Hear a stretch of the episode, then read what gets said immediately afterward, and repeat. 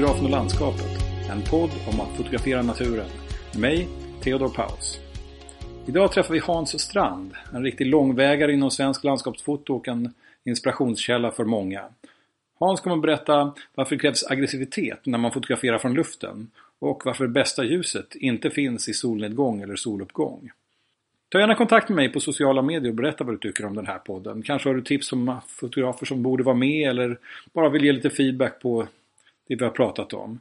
Ehm, jag finns på Facebook och på Instagram. Det finns också en Facebookgrupp för podden och ni får gärna gå med där. Där fortsätter samtalet mellan avsnitten och eh, man kan också ladda upp e-, egna bilder och ge kritik på andras. Om ni gillar den här podden, kom gärna ihåg att prenumerera i er poddspelare så missar du inget avsnitt. Med det sagt, låt oss börja dagens avsnitt. Välkommen till eh, fotografen och landskapet Hans Strand. Vad kul att du kunde vara med i, idag. Ja, tack. Hej. Hej. Um, ja, alltså. Du var en av de personer som um, jag själv fick ögonen för först när jag började intressera mig för landskapsfoto för ja, ett och ett halvt år sedan ungefär. Det var liksom i hög grad dina bilder tycker jag som, uh, som väckte mitt intresse. Jag hade precis varit på Island 2016 Uh, och sen så började jag tänka att det här med landskap var spännande. Då, då hittade jag kanske först till, till dina bilder. Det var både bilder från Island och från andra som, som väckte intresse. Så det känns väldigt kul att, att du är, är med idag. Ja, tack. Ja, det var kul att höra. Ja. Du, jag tänkte att vi kanske kan, kan inte börja med att du kan berätta lite grann för de som kanske inte vet om det. Vem är du? Ja, jag, jag, är eh, snart 63 år. Eh, jag började fotografera ganska sent i livet. Jag, jag var absolut inte uppväxt med en kamera i hand utan jag utbildade mig till civilingenjör på KTH här i Stockholm. Gick ut eh, 1981 och i samband med att vi blev färdiga ingenjörer så ordnade vi en eh, resa till Kalifornien, till Stanford University vi fick någon sponsring från industrin och åka dit och ta någon kurs då i mikrodator som det heter på den tiden. Det fanns ju inte PC och laptop utan det hette mikrodator. Det var liksom burkar som i princip inte kunde göra någonting men det var ändå revolutionerande på den tiden. Eh, hur som helst, jag hade ingen kamera och eh, fick liksom för mig att nu ska jag skaffa en kamera här. Eh, Eh, Eh, och blev så vansinnigt intresserad av foto utan att ha varit det tidigare. Jag började köpa fototidningar och, och liksom tugga i mig allt som man kunde hitta. Va? Och eh, köpte alltså en kamera då i, i San Francisco, tre gluggar. Och eh, vi åkte upp till nationalparken Yosemite och där tog jag mina första rullar film. 21 stycken rullar och alla tyckte jag var helt tokig som tog 21 rullar film. Men det var liksom, det var magi tyckte jag. Titta genom en kamerasökare och liksom länkas ihop med landskapet framför mig. Det, det var en magi och en upplevelse av eh, samhörighet med naturen och, och landskapet som jag hade, hade aldrig känt det förut. Och nu genom kameran så var det någonting helt nytt för mig. Och faktiskt är det så att jag känner fortfarande den där magin när jag tittar genom kamerasökare och den här längtan efter att sätta fyra snygga hörn på det jag ser och upplever. Så det var väl så det började kan man säga. Sen eh, jobbade jag nio år som eh, ingenjör innan jag slängde in handduken där också och blev fotograf då på heltid 1990. Så eh, sen 90 så har jag bara sysslat med det här då. Så det är min, min eh, profession numera. Var det givet att det skulle bli eh, naturen då som, som blev liksom föremålet för kameraögat? Nej, e-, egentligen inte va, men uh, jag tror den där ursprungliga upplevelsen uh, i Yosemite uh, la grunden. Uh, men jag, jag höll på med en hel del annan typ av fotografi också. Lite såhär street fotografering och, och, sånt som jag tyckte var kul. Jag gick på gatorna i Stockholm här och plåtade folk eh, och eh, på den tiden så höll jag på med gevärsskytte. Jag var med i landslaget och eh, gjorde mycket resor ut i världen och Jag vet jag plåtade bland annat i Mexiko några gånger på gatorna där. Det var jättehäftigt. Det var sådana kontraster där mellan fattiga och rika och sånt som man kunde återspegla i bildform då. Eh, men eh, mer och mer så blev det ju landskap till slut kan man säga. Men jag, jag, jag är egentligen ingen, eh, jag ser mig själv inte egentligen som någon naturfotograf för det är liksom Egentligen så är det fotografin som är det viktiga för mig. Just att det, är liksom jag, är mer intresserad av natur, eller fotografi än, än naturfotografi om, om man skulle kunna uttrycka det så. Eh, mm. alltså jag har svårt för, för liksom eh, talgoxar på en gren eller något sånt där, eller rådjur bara rätt upp och ner. Så jag, jag vet inte. Det, det är för mig, jag tar inte ens upp kameran. Jag, jag gillar ju att se djur och uppleva djur och natur men det är liksom ingenting som triggar mig att ta upp kameran om jag ser en älg till exempel utan då, då, då tittar jag på den och njuter av älgen men jag fotograferar inte den. Så. Men du, du har inte liksom varit fältbiolog? Och, nej, nej jag har inte det har inte det. Annars är det ju ganska vanligt har jag ja. märkt att liksom man har antingen en av två vägar in. Liksom. Antingen så, så kommer man från naturintresset liksom, och har hållit på med rört sig mm. mycket i naturen så började man fotografera eller så kommer man mera från mm. fotointresset liksom, och kanske mer det tekniska rent av. Ja, jag är mera liksom eh, en bildmänniska tror jag. Och jag gillar det här att organisera en massa signaler innanför fyra hörn. Det är liksom min, det är det egentligen jag brinner för. Uh, rent fotograf, alltså hur, man skulle kunna säga att min, min fotografi är väldigt mycket om, handlar mycket om geometri och distribution av signaler. Distribution av signaler? Ja, skulle man kunna säga. Alltså ja. förstår vad jag menar? Alltså, Nej, utveckla gärna. Ja, ja, alltså när man ser något så har ju alla de här objekten som man får på näthinnan, de har ju olika eh, liksom, eh, hur ska man säga, intryck på dig då. Och intryck sen om de blir gestaltade i någon bild. Och eh, hur man fördelar de här eh, objekten över bildytan, det är ju det som eh, avgör egentligen vad som blir bra eller inte. Va? Det, det handlar ju inte om för mig i alla fall, det handlar inte om att komma till en plats och ta en bild, så här såg det ut och liksom jag fick en bild, ja jag åkte dit, jag tog en bild, nu vet jag hur det såg ut liksom. Men det handlar aldrig om det för mig utan det handlar om hur jag tolkar den här platsen och upplevelsen. Och där i eh, tolkningen så är det ju kompositionen som är den liksom bärande bärande delen. Liksom. Är det ingen bra komposition då kommunicerar inte heller fotografiet, åtminstone inte till mig. Ehm, eh, det värsta jag vet är att se eh, fantastisk natur bara plåtat rätt av. Alltså. Det, det är bara tröttsamt att titta på tycker jag. Men, men när man eh, ser någonting som är, det behöver inte vara spektakulärt men om man ser någonting som är gjort med hjärta och hjärna liksom, då, då, då är det spännande tycker jag. Förstår du vad jag menar? Ungefär? Absolut, ja, mm. Eh, och det, eh, när man ser dina bilder också så, eh, så är de ju ofta väldigt, eh, i synnerhet de senare bilderna som jag har sett, är ju ofta ganska nästan grafiska. Ja, ja. Jo, de blir ju lite sådär eh, nästan matematiska ibland kan de vara. Eh, det kanske har med någon slags ingenjörsbakgrund att göra och matematik. Man läste ju mycket sånt. jag vet inte. Men eh, det där får någon jung eh, expert eh, utveckla. Men eh, eh, ja. Men har, har det, var, var, det foto, det är inte givet att man uttrycker det här via fotografi. Har, har, du varit intresserad av andra former av konstnärliga uttryck också? Ja, jag målade en del när jag var ung då.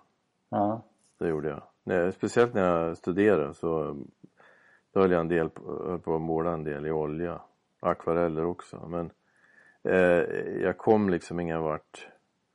Det blev fel färger och eh, man målar grön skog och skogen är ju inte grön egentligen liksom. Inte bara grön utan det är ju väldigt många nyanser i det gröna.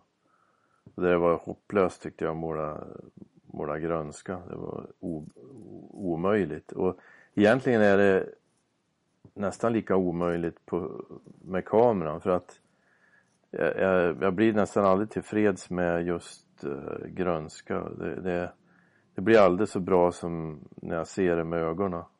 Och jag, jag läste någon utveckling av det att människan har en förmåga att registrera 400 olika toner av grönt. Förmodligen som att det har att göra med att vi levde liksom första tiden i, i skogen och ute i naturen och var tvungna att kunna skilja på olika typer av grönska. Eh, kanske för mat eller för, för överlevnad eller vad det nu var. Och, och, och jag måste säga det, det är en problematisk färg. Det är jag har sett det, hur du har, du har skrivit om det där på Instagram och, och, så att liksom det är svårt med det gröna. Jag tror att det är, du är inte ensam om att känna så. Att det är svårt Nej. att liksom få det där att, just den färgen att bli Ja, den är, den är alldeles för uh, skrikig liksom. Det enda gången jag har sett bra grönt, det var, jag var i England på en sån här konferens om landskapsfotografi och då var det en, en uh, engelsk konstfotograf som heter Jem, Jem Southam. En uh, äldre herre. Han plåtade på färgnägg med 8-10 tum kamera och han hade snygga gröna färger. Det var, det var liksom hemma. Det var halleluja. Så där skulle jag också vilja ha mina, min grönska men det får jag inte med digitalkameran tyvärr.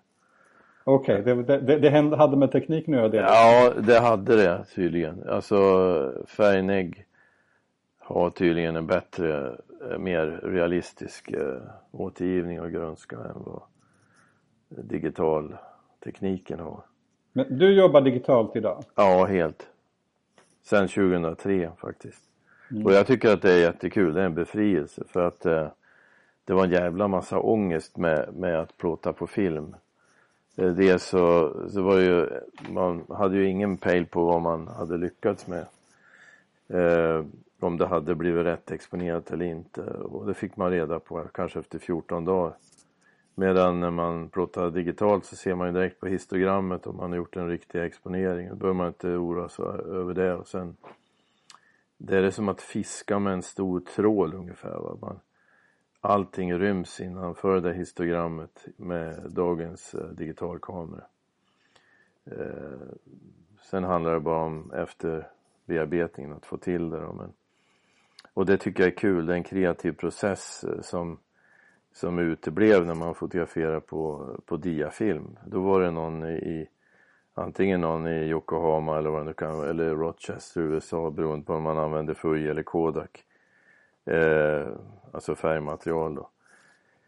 Eh, som bestämde vad det blev för färger och hur det skulle se ut. Och man, eh, man tänkte liksom aldrig i någon slags eh, eh, digitalt dag, da, eh, mörkrum som man gör idag. Idag har man ju allting i sina händer. Man ställer ju kontrast och färgåtergivning och skuggteckning och högdagerteckning och mikrokontrast och hela faderuttan ställer man ju själv.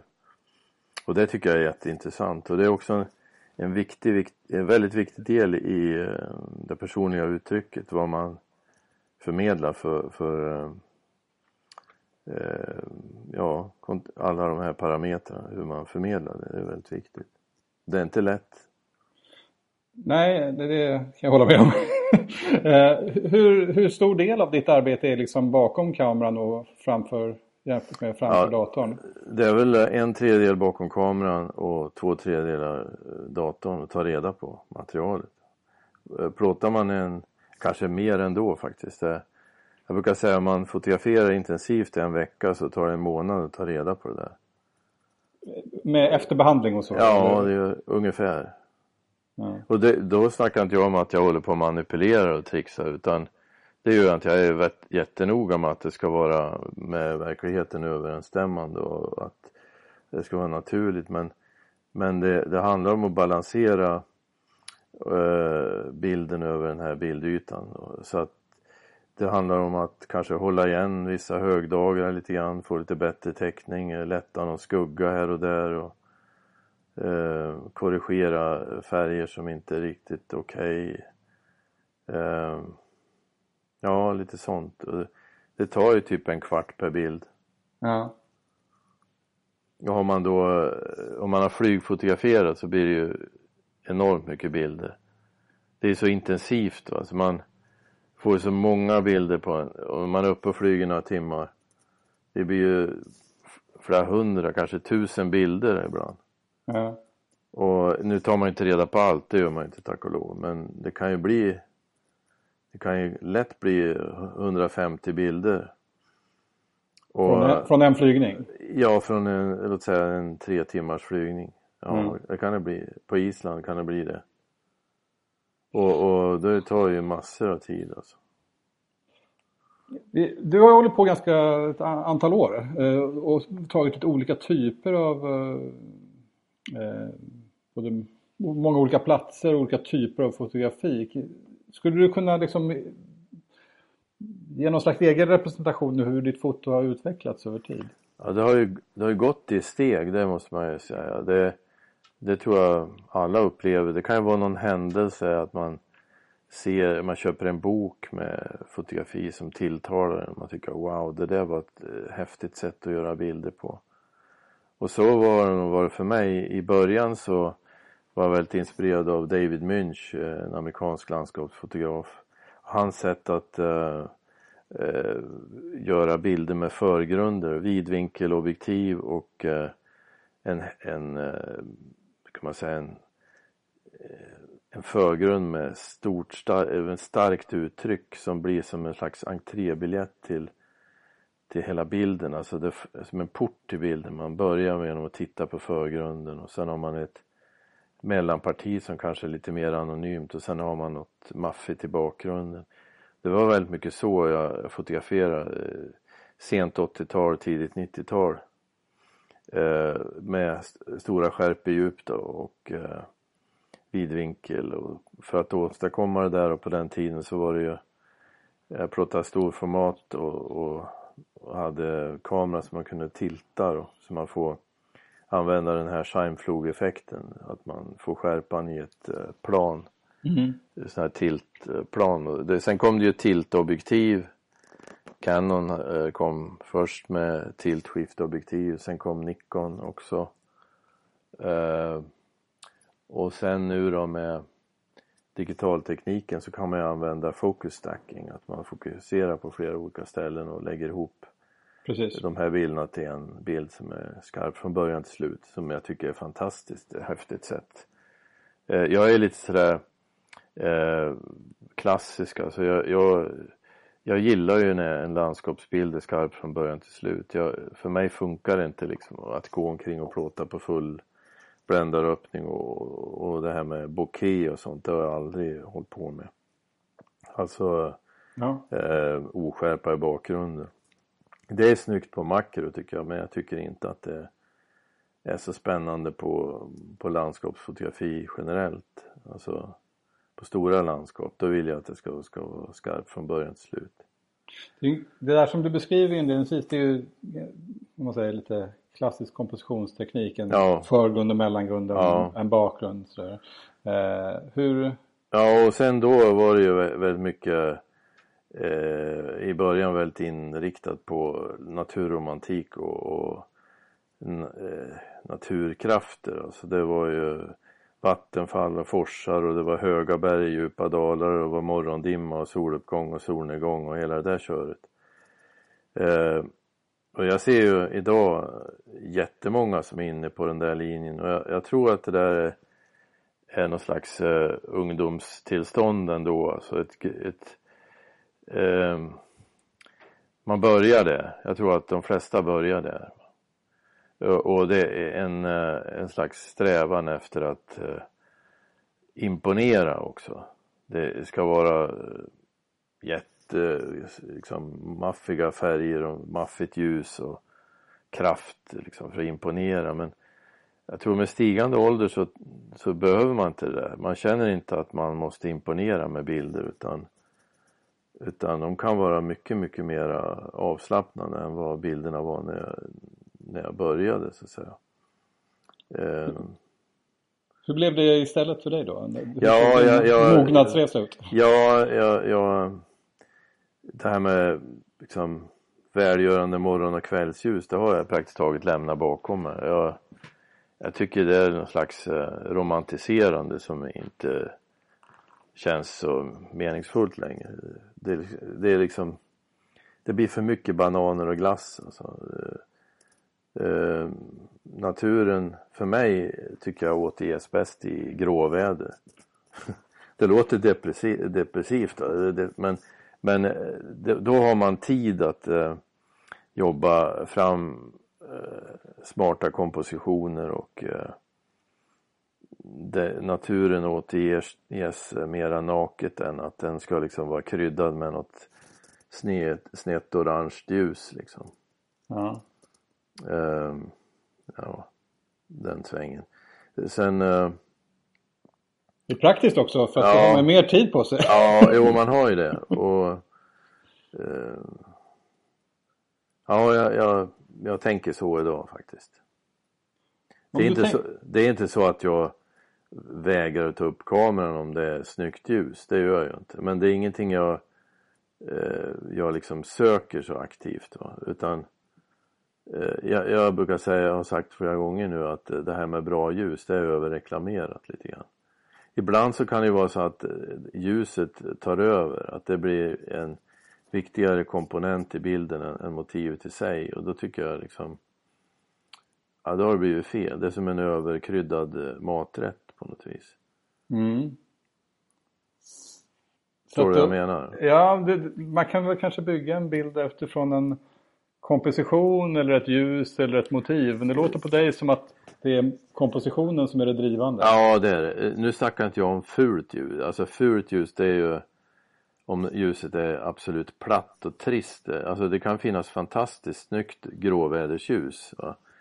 Eh, alltså i bästa ljuset egentligen det är ju eh, en svagt fil eh, eller en filtrerat solljus eh, som ger en, en liten, liten, liten riktning i, i ljuset men, men det får, får, eh, det får fram kontrast och, och eh, färger på ett bra sätt. Va? Medan direkt solljus eh, i klarblå himmel, det är nog det värsta ljus som finns. Det är ju nästan omöjligt att jobba med eh, från marken. Från luften går det jättebra om man fotograferar eh, till exempel eh, älvlandskap på Island. Här, det är ganska tvådimensionella grejer, ganska platta saker.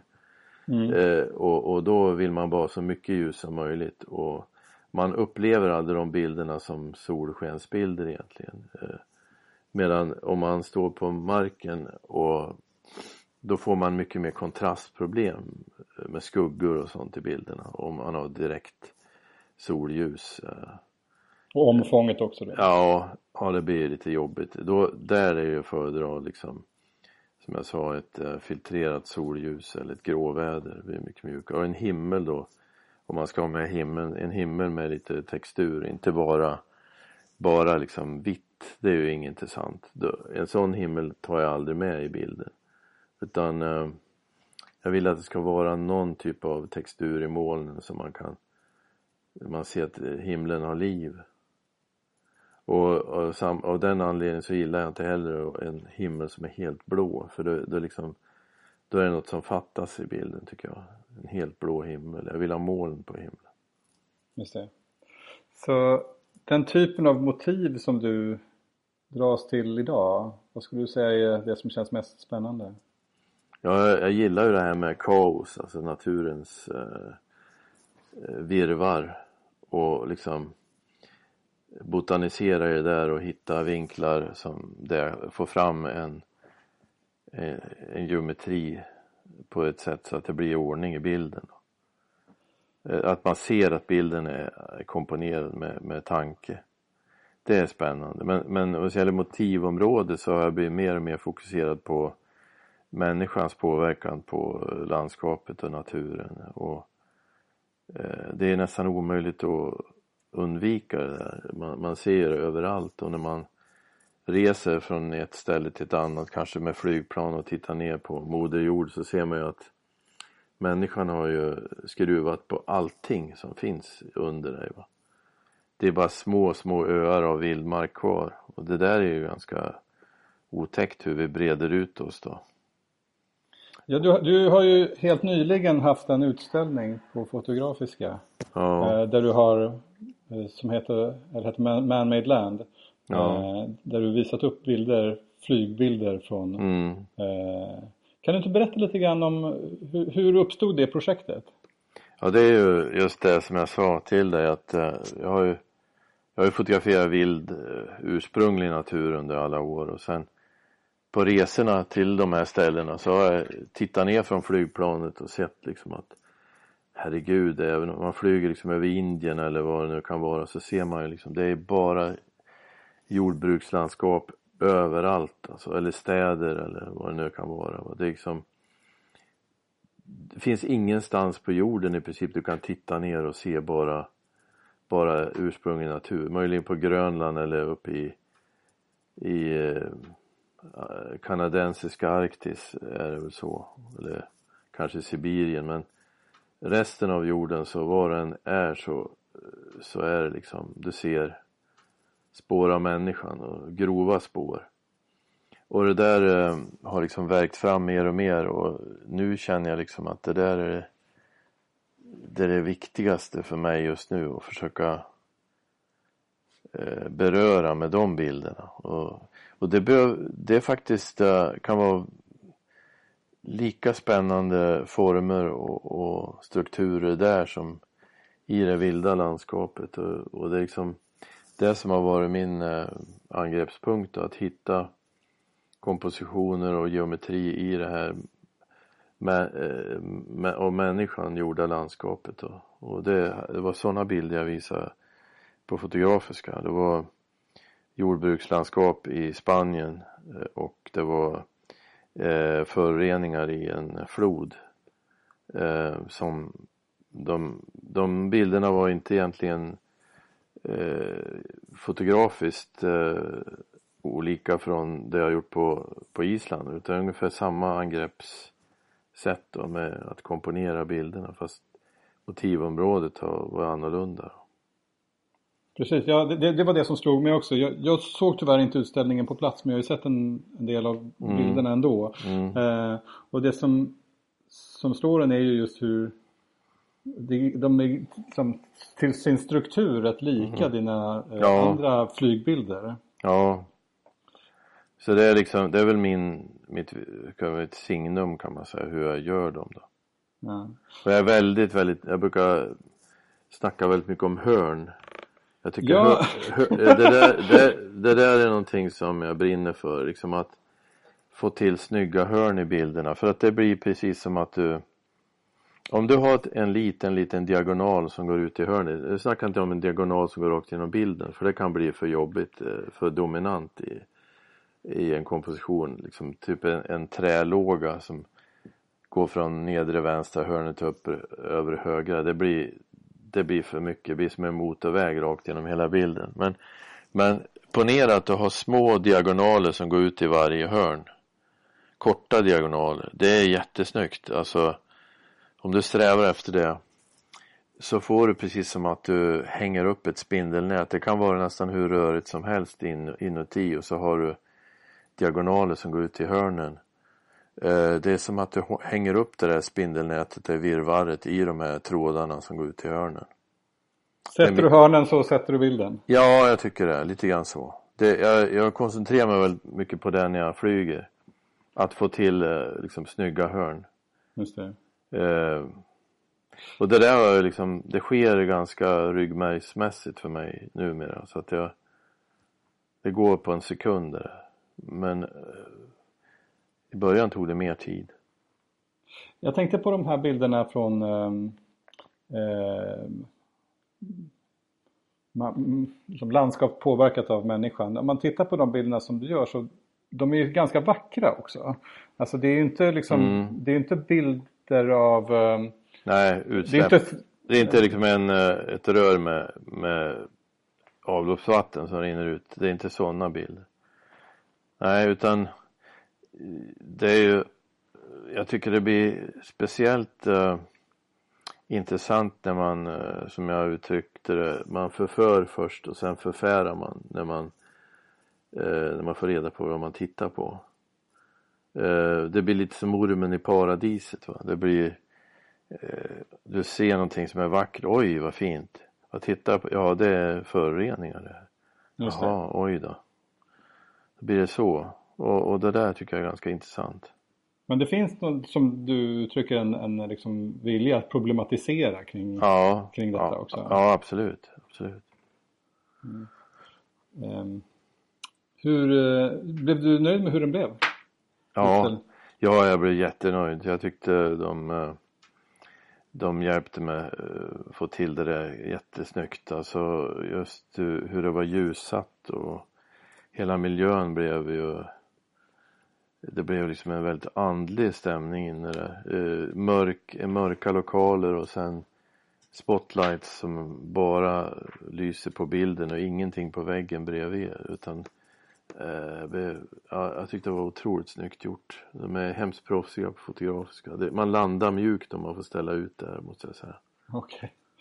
Okay. Eh, annars är ju mycket naturfoto och landskapsfoto ganska icke-problematiserande. Det är ju min bild ja. i alla fall att det är ganska mycket fokus på att det ska vara vackert. vackert liksom. Mm.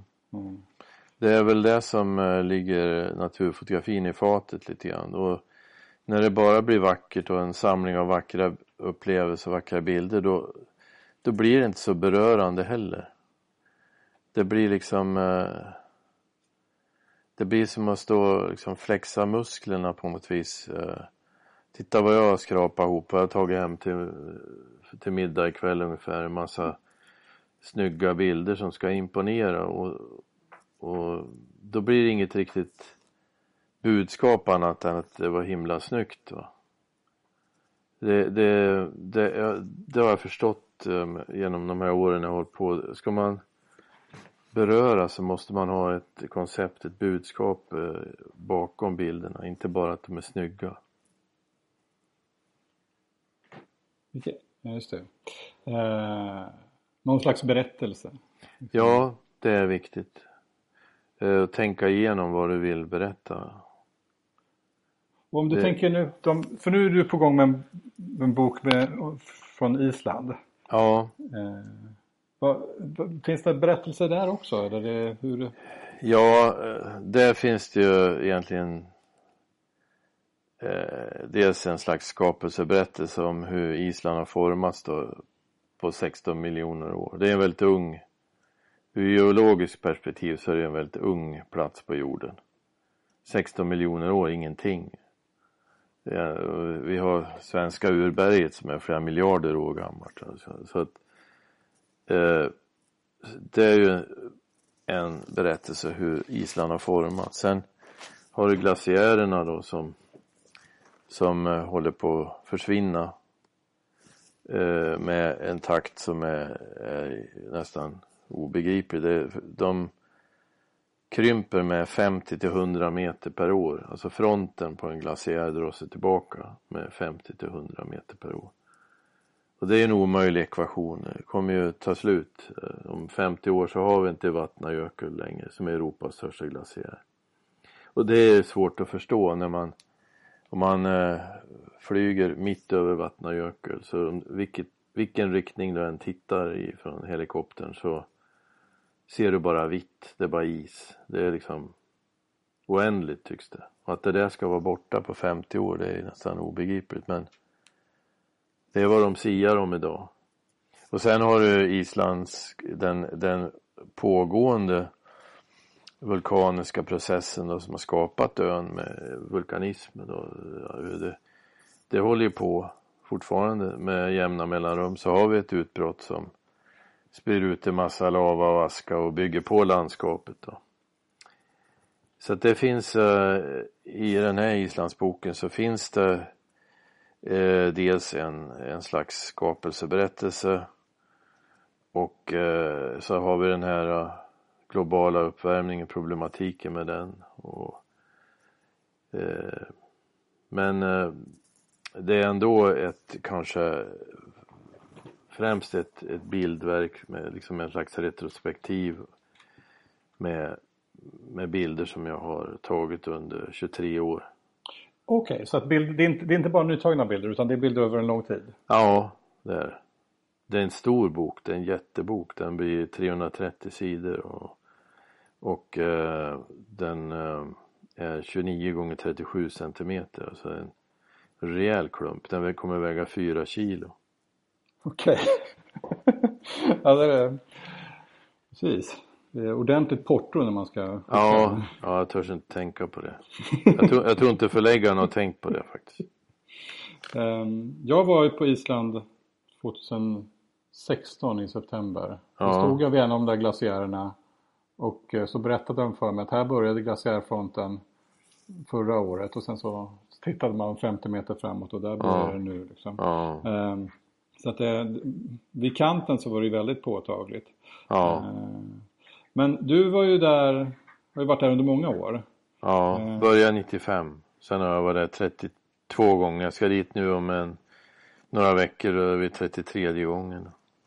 Är det den plats du har varit återkommande på flest ja. gånger? Ja, det, är, jag vet, det har bara blivit så helt enkelt. Det har ju nu på senare år så har det blivit genom uh, workshops som jag har där. Så okay. att annars skulle jag ju inte åka så där mycket naturligtvis. Men uh, då har det blivit liksom Det är mitt arbete så att jag Jag kan inte bara njuta, jag måste ju göra rätt för pengarna också. ja, jag tänkte vi kan Hur ser din liksom um, um ditt arbete ut nu? Alltså tidigare så, så sålde du bilder till bildbyråer men den marknaden har ju i princip fallit ihop. Ja. Eh, så, så hur ser liksom eh, den professionella landskapsfotografens arbetsliv ut? För dig? Ja, det är som du eh, mycket riktigt påtalar. I början så var, jag, var det en ganska sorglös tillvaro med eh, man reste över hela jorden, jag och min fru då. Och jag fotograferade landskap i alla världsdelar och sen levererar man bilder till ett gäng bildbyråer.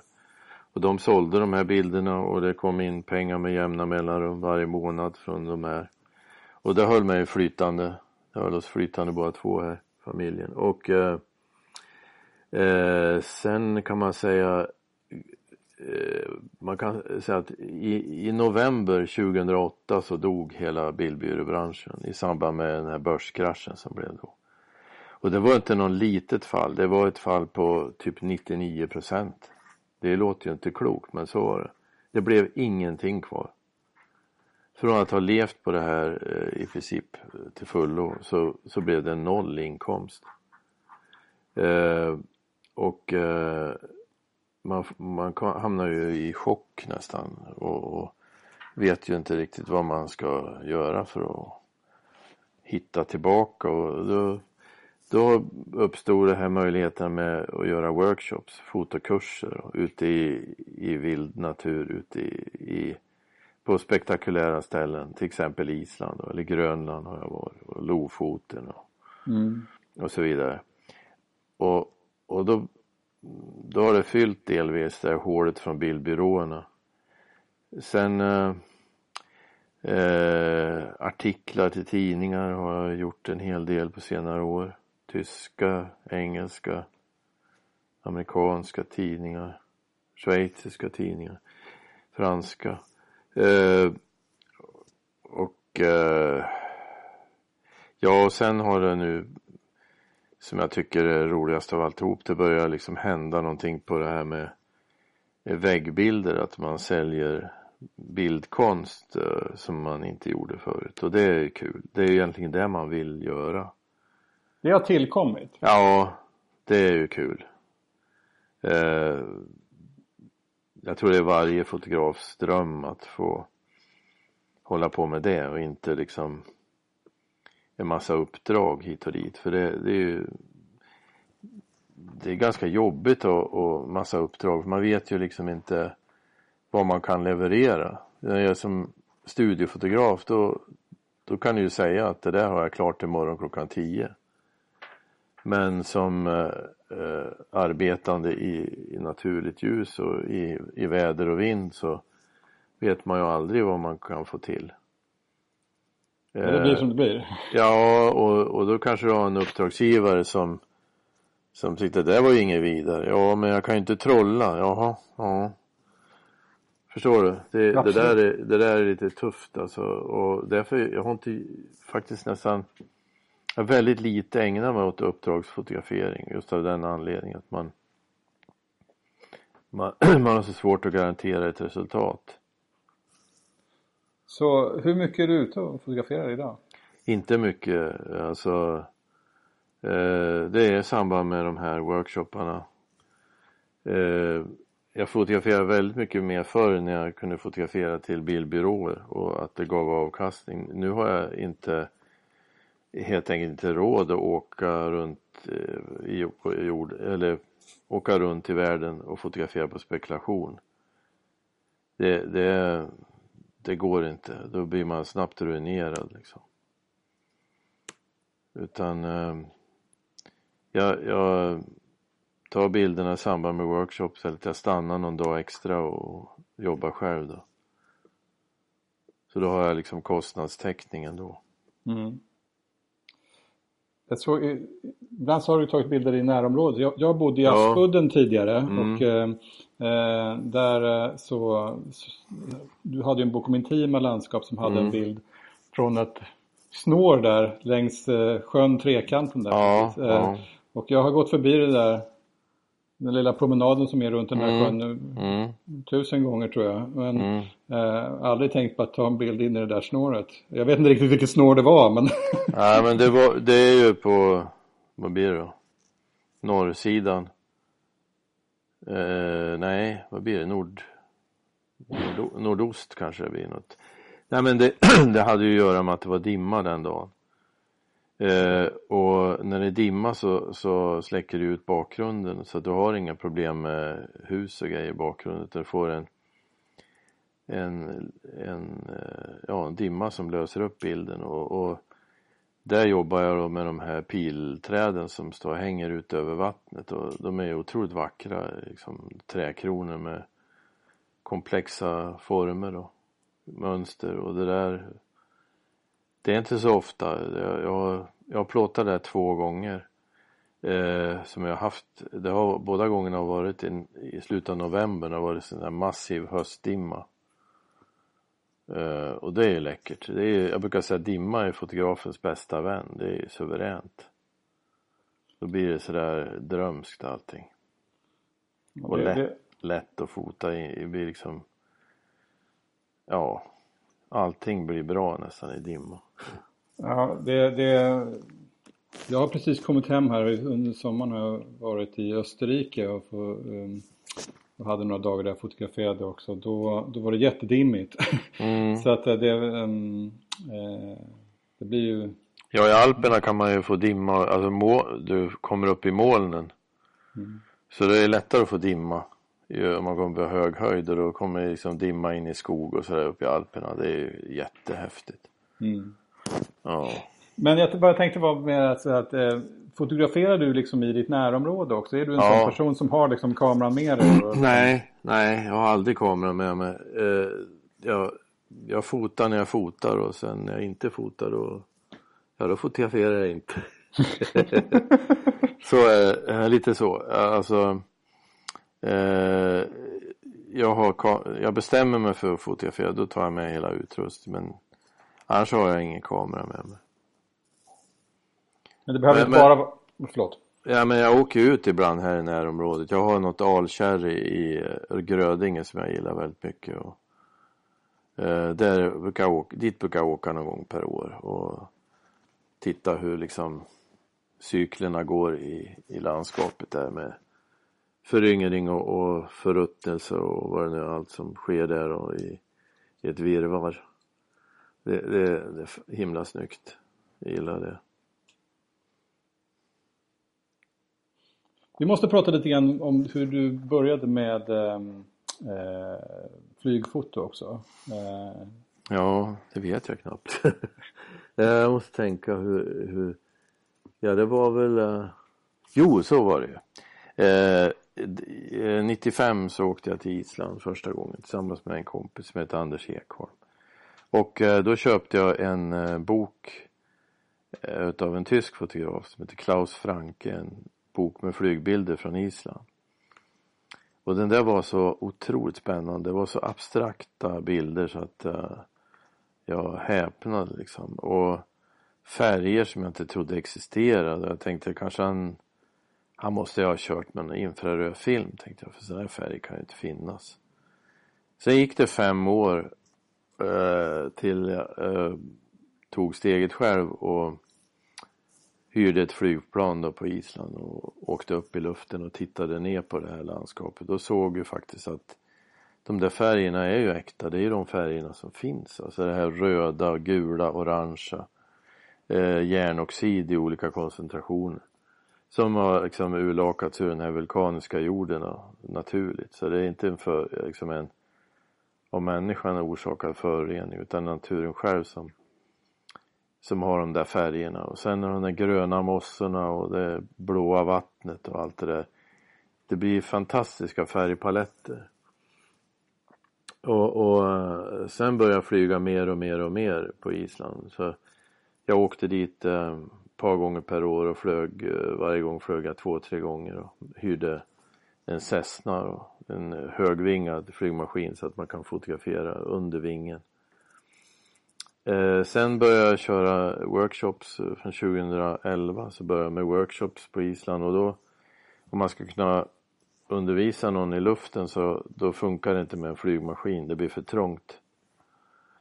Eh, så att då, då hyrde vi helikopter och då sitter jag i framsätet och så har jag eh, mina kursdeltagare sitter i baksätet där det är fyra säten och borttagna dörrar. Så då, eh, då flyger jag till ett ställe och så pratar jag med, pratar i den här intercomen med mikrofonen, alla har hörlurar på sig. Och förklarar för dem hur jag ser landskapet under mig. Liksom. Jag parkerar helikoptern, den hovrar över ett ställe som jag tycker är bra. Och så guidar jag dem då hur de ska komponera bilderna. Eh, först då ett, de som sitter på min vänstra sida. Sen roterar helikoptern 180 grader och så tar vi de som sitter på, på den andra sidan för samma motiv då. Och så flyger vi från A till B till C till D och så vidare. Då. Och eh, det där är ju fantastiskt. Alltså helikopter är ju, det är som att flytta ett stativ. Det är grymt lätt att fota från en helikopter jämfört med en flygmaskin. Flygmaskin är det som att skjuta lerduvor ungefär. Det, du måste vara jättesnabb.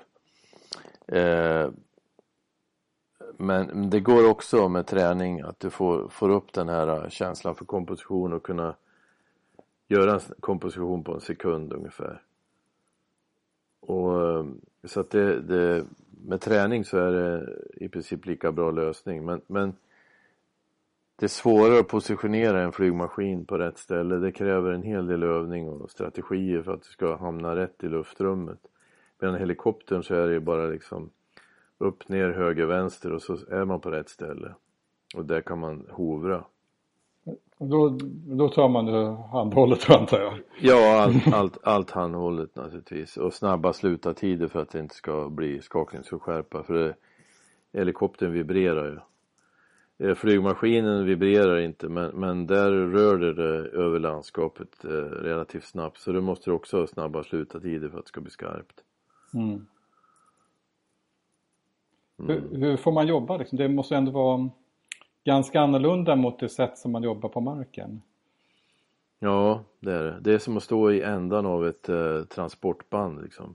Där det bara matar på motiv mot det hela tiden. Så det är liksom en som att glufsa i sig hur mycket efterrätt och mat och grejer som helst. Det är, det är fantastiskt. Eh, det är sån intensitet på motiven som man eh, det blir som nästan berusande liksom. Eh, medan man jobbar för marken då får man verkligen slita sig till eh, en position och en komposition. Man, man kanske knallar upp på ett berg eller vad man gör. Det är en hel del planering och, och, och knatande och gå till man kommer till rätt ställe och, och där tar man bilden och sen blir det inte mer den dagen i princip. Va? Men, eh, i, i, ifrån luften så kan du alltså på tre timmar få ihop tusen exponeringar. Det är en intensitet som inte går att beskriva. Naturligtvis är allt blir ju inte bra men mycket kan bli bra på tre timmar. Det är liksom adrenalinfoto på ett ja, sätt. Ja, det är en enorm intensitet. Och jag brukar säga att man måste vara lite grann som en skallerorm, att man bara slår till liksom. Jag, jag ser genomgående problemet som Eh, den som inte är van att flygfotografera, den är alldeles för slö i luften liksom, alldeles för oaggressiv. Man måste vara på hela tiden, inte sitta och fundera så mycket för att eh, man måste ha kameran vid ögat i princip hela tiden och, och, och röra kameran i motivet till du hittar kompositionen och sen trycka av direkt. Sitter man och funderar för mycket då, då, hinner man, då missar man motivet. Speciellt om man flyger flygplan. Det går för fort. Om du jämför liksom den typen av på något sätt eh, lite det låter lite nästan som att fotografera sport. Ja, jo, det är lite, ja, det är fot, fotboll ungefär. Ja. Man vet om, aldrig när det ska bli ett mål. Men om du jämför det liksom med, eh, med traditionellt landskapsfoto där man liksom har stativ och man har tid och man kan sitta och vrida en millimeter liksom eller veva upp stativet. Ja, det är mer kontemplativt. Ja. Det är mycket mer kontemplativt medan eh, eh alltså flygfoto är ju intensivt, det är som en urladdning. Vad föredrar du själv? Eh, ja, både och. Alltså, jag, jag såg en intervju med Cartier-Bresson. Han, han, eh, han, sa att uh, målning är kontemplativt. Han, han tecknar ju en hel del, Cartier-Bresson, på slutet. Alltså en franska dokumentärfotograf, streetfotograf. Mm. Otroligt duktig. Han är väl liksom kanske den bästa fotograf som har levat någonsin i alla kategorier. I alla fall han, han uh, han sa att måla och teckna det som en, det är kontemplativt medan fotografering det är som en boxningsmatch. Det är liksom intensivt eh, en urladdning. Alltså han pratar ju på, på streetbilder och då förstår man ju att måste man vara på hela tiden. Och det är lite grann så att eh, fotografera från luften också. Medan när man eh, går i ett dalkärr och letar vinklar och vrår, det är en, det är en andlig inre resa liksom. Där du, jobbar mycket mer intellektuellt. Medan flygfoto är ju mer liksom ryggmärgsreaktioner. Jag kan tänka mig att det blir ännu mer så om man har som det, det estetiska idealet som du berättade om att liksom fotografera i gråväder när man liksom mm. inte heller behöver bli stressad av att ljuset försvinner. Nej, Nej, så då, då kan man ju hålla på och mikra liksom och flytta kameran fram och tillbaka en centimeter för att det ska bli riktigt.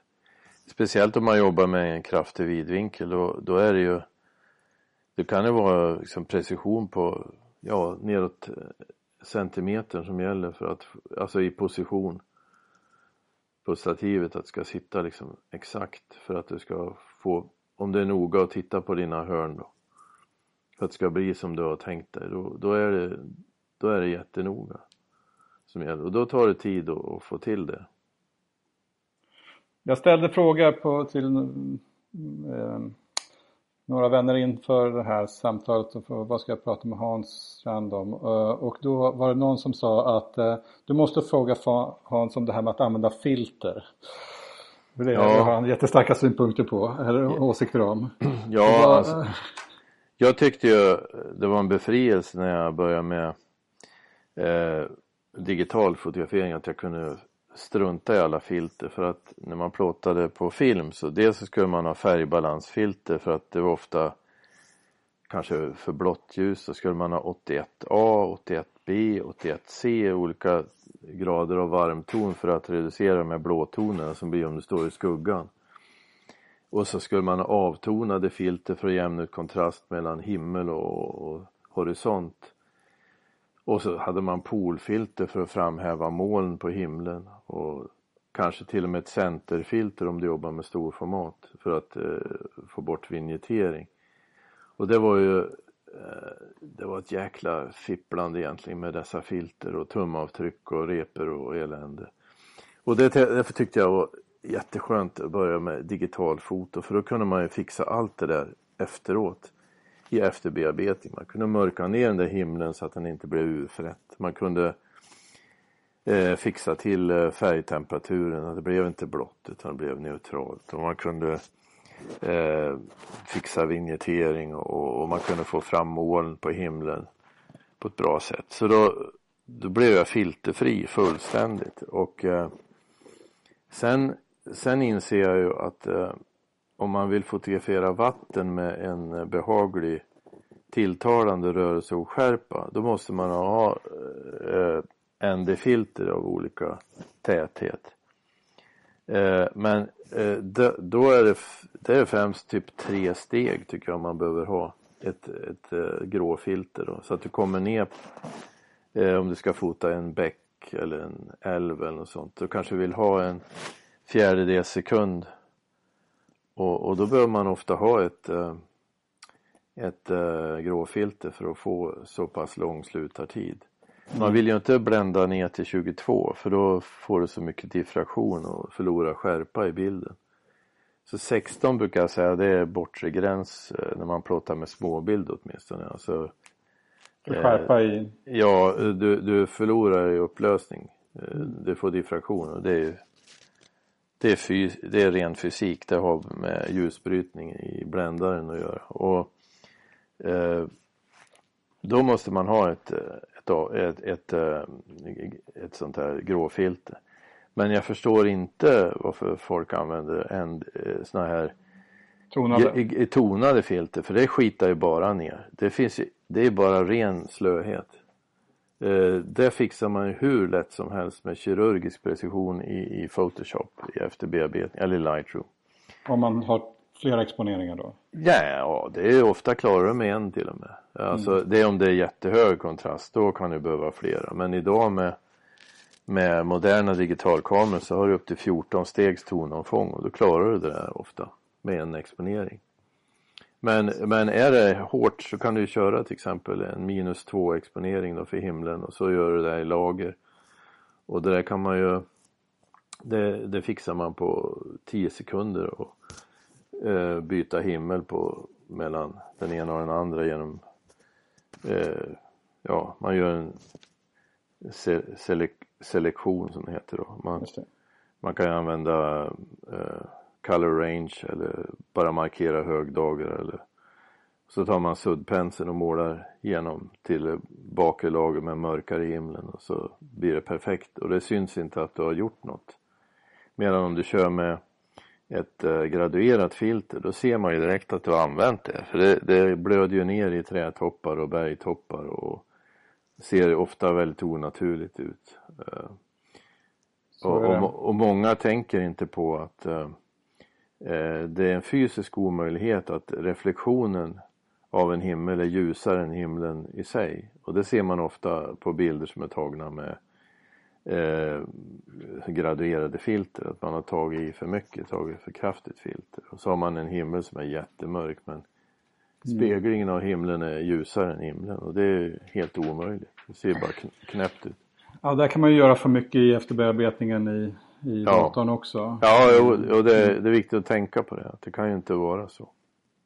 Eh, ja, men då låter det inte som du är någon filterfundamentalist i alla fall. Nej. Det är en praktisk fråga. Ja, ja, jo. um, du, um, om du, jag tänkte höra människor som kanske jag och kanske andra som är ännu nyare i landskapsfoto. Um, har du några tips hur man, vad man kan tänka på för att det ska bli bra? Man ger sig i kast med att fotografera naturen. Det där var en jättesvår fråga. Det, det är väl man brottas med hela tiden. Liksom. Men, eh, ja, alltså jag har ju en, jag jobbar ju ute efter att det ska se ut som det gör. Alltså som jag upplevde det med mina ögon. Jag försöker inte liksom göra det vackrare än vad det är. Det försöker jag inte göra. Jag tar inte i med färgmättnad och, och sånt utan jag håller det ganska neutralt. Less is more tycker jag. Det är väl ett bra råd. Eh, ja, jag tror nog att det är lite så man får tänka. Eh, att, att eh, gapa över likes på, på de här eh, hemsidorna, vad heter de, 500 pixels och sånt där, det är förödande tror jag. Det, det målar in dig i något jävla kittkörn alltså, det, det ska du akta dig för, från. Ja, det, det, är en, det där kan man nog prata mycket om hur liksom sociala medier och sådär har påverkat eh, de uttrycken som folk tar. Ja, känner det, igen det där. Jag, jag tror det är livsfarligt att jaga likes. Alltså. Man, man, ska nog glädjas om man får dem men man ska inte jaga dem. Mm. Du, eh, jag tänkte också avslutningsvis fråga dig om du har du några tips på andra personer som skulle kunna passa för att bli intervjuad i den här podden? Ja, ja absolut. Jag har ju uh, några gamla kollegor här. Uh, Eh, Jan Peter Lahall, Jan Töve, Tore Hagman definitivt. Eh, Magnus Lindbom. Sen kvinnliga så finns det ju det är inte så många som pysslar med eh, liksom den här landskapsfoto som jag gör egentligen men Helene Schmitz plåtar, har plåtat en hel del regnskogar och sånt som är väldigt intressant. Eh, sen har vi några som håller på med makro. Det är ju heter de Tammy Bergström, Ull, eh, Anna Ulmerstrand. Eh, ja, det är väl några stycken. Det, jag har säkert missat någon viktig här men eh, jag är 63 år så det är väl man får acceptera att gubben inte är helt klar i skallen. Jag tycker nog att det har känts väldigt klart här. Många roliga och intressanta reflektioner kring vad som är en bra bild och hur du har arbetat eh, genom de här åren. Mm. Stort tack för att du eh, tog dig ja. tid att vara med i den här podden. Ja, tack så du själv. Kul att prata. Vi hörs.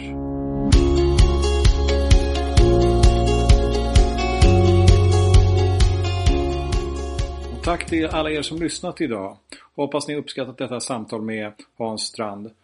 Om ni känner att ni vill höra mer av honom, höra honom berätta om sitt fotografi så finns det också ett poddavsnitt i den amerikanska podden F-Stop Collaborate and Listen där han blir intervjuad. Där pratar han mer om eh, flygfoto och jämför med att fotografera från land.